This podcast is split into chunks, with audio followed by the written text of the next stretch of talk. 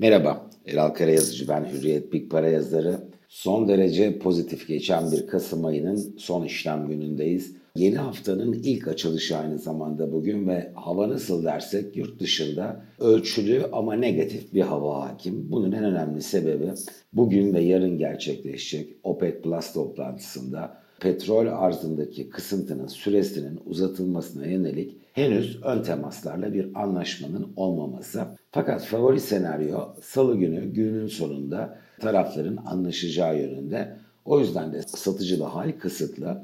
Petrol altınla birlikte başı çekiyor. %2'ye yakın kayıplar var petrol cephesinde. Altında bir süredir satıcılı bir hal var.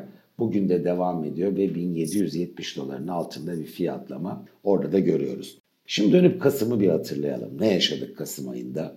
Dünya borsalarında %21'lik bir yükseliş var. E, fakat bu hareket dünya borsalarında aslında geride kalan dönemin telafisi oldu. Çünkü hatırlarsak 2020'nin ilk çeyreğinde Covid fiyatlamasıyla yukarıdan aşağı %40'ları bulan satışlar yaşanmıştı. Arkadan çok kuvvetli geri dönüşlere imza atılmıştı. Ama Kasım hariç bakarsak önceki 10 ay netinde kayıp vardı. Kasım dahil ne oldu dersek yılın artık son bir ayı kaldı. Aralığı tamamlayacağız. Dünya borsalarında ortalama %2'lik bir kayıp görüyoruz dolar bazı performanslarda. Yani ne büyük bir yükseliş var Kasım'da gördüğümüz gibi yılın bütünü için söylüyorum bunu. Ne de çok büyük bir kayıp kaldı. Peki bu bütün ülkeler için geçerli mi? Değil.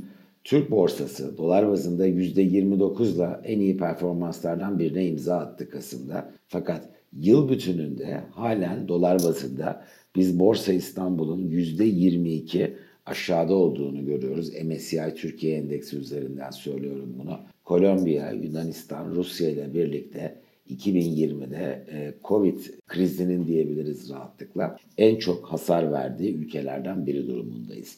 Döviz tarafı Şimdi dolar Kasım'da %5.6 ülkemizde değer kaybı yaşadı. Euro %3.2. Altınsa hem Türk lirasının değer kazanması, ülkemizde döviz kurlarının Kasım'da düşmesi nedeniyle hem de ons yani dolar bazı değerinin de altının aşağı gelmesi nedeniyle %11,5'luk sert bir kayba maruz kaldı. Buna rağmen sene başına göre TL cinsinden fiyatı halen altının %53.8 yukarıda. E, bu nedenle henüz bir dikkat çekici iskontodan bahsetmek söz konusu olamaz. Euro %41, dolar da %32 sene başına göre ülkemizde halen e, yüksek fiyatlamalarla işlem görüyorlar. Şimdi Türkiye'de ne ölçüde pahalı diye baktığımızda ülkemizin enflasyonunu eğer e, dikkate alırsak çünkü bizim kabaca %10 kadar enflasyonumuz diğer ülkelerden yukarıda e, ve bunun da hesaba katılmasıyla birlikte Türk lirası ne kadar iskontolu, döviz ülkemizde göreceği ne kadar pahalı dersek ilk dikkat çeken ülkeler tabloda karşımda Kolombiya ve Güney Afrika. Bu ülkelerle kıyaslamalı %10'luk döviz tabanlı varlıklarda aşağı yönlü en azından bir teorik alan olduğunu rahatlıkla söyleyebiliriz. Aralık ayına geçelim. Şimdi Aralık ayı dünyada birkaç ayrı bölümden oluşacak. Bir kere küresel trend adına şunu söyleyebilirim.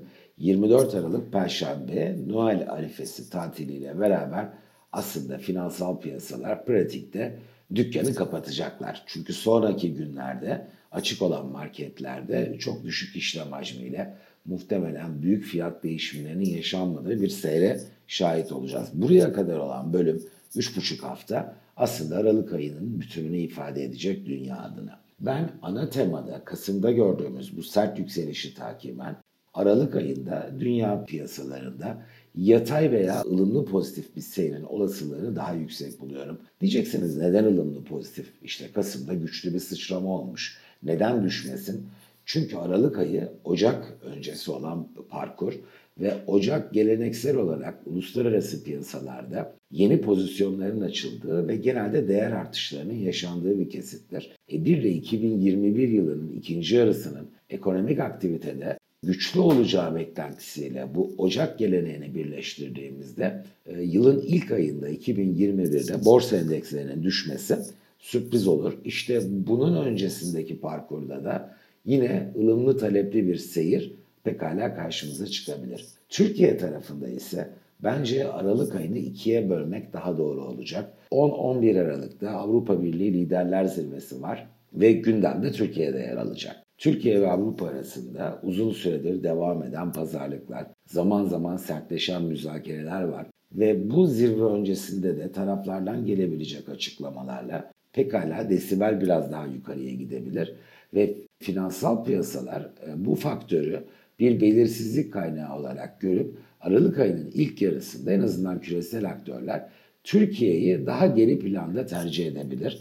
Ama Aralık ayının ikinci yarısından itibaren 14 Aralık pazartesi günü Türkiye bu faktör geride kaldıktan sonra öyle ya da böyle herhangi bir negatif fiyatlamaya konu olacaksa da finansal piyasalar çok hızlı hareket eder. Bu perdeyi tamamladıktan sonra ben ayın ikinci yarısında yeniden Türk varlıklarının yurt dışında ilgi görmeye aday olduğunu düşünüyorum.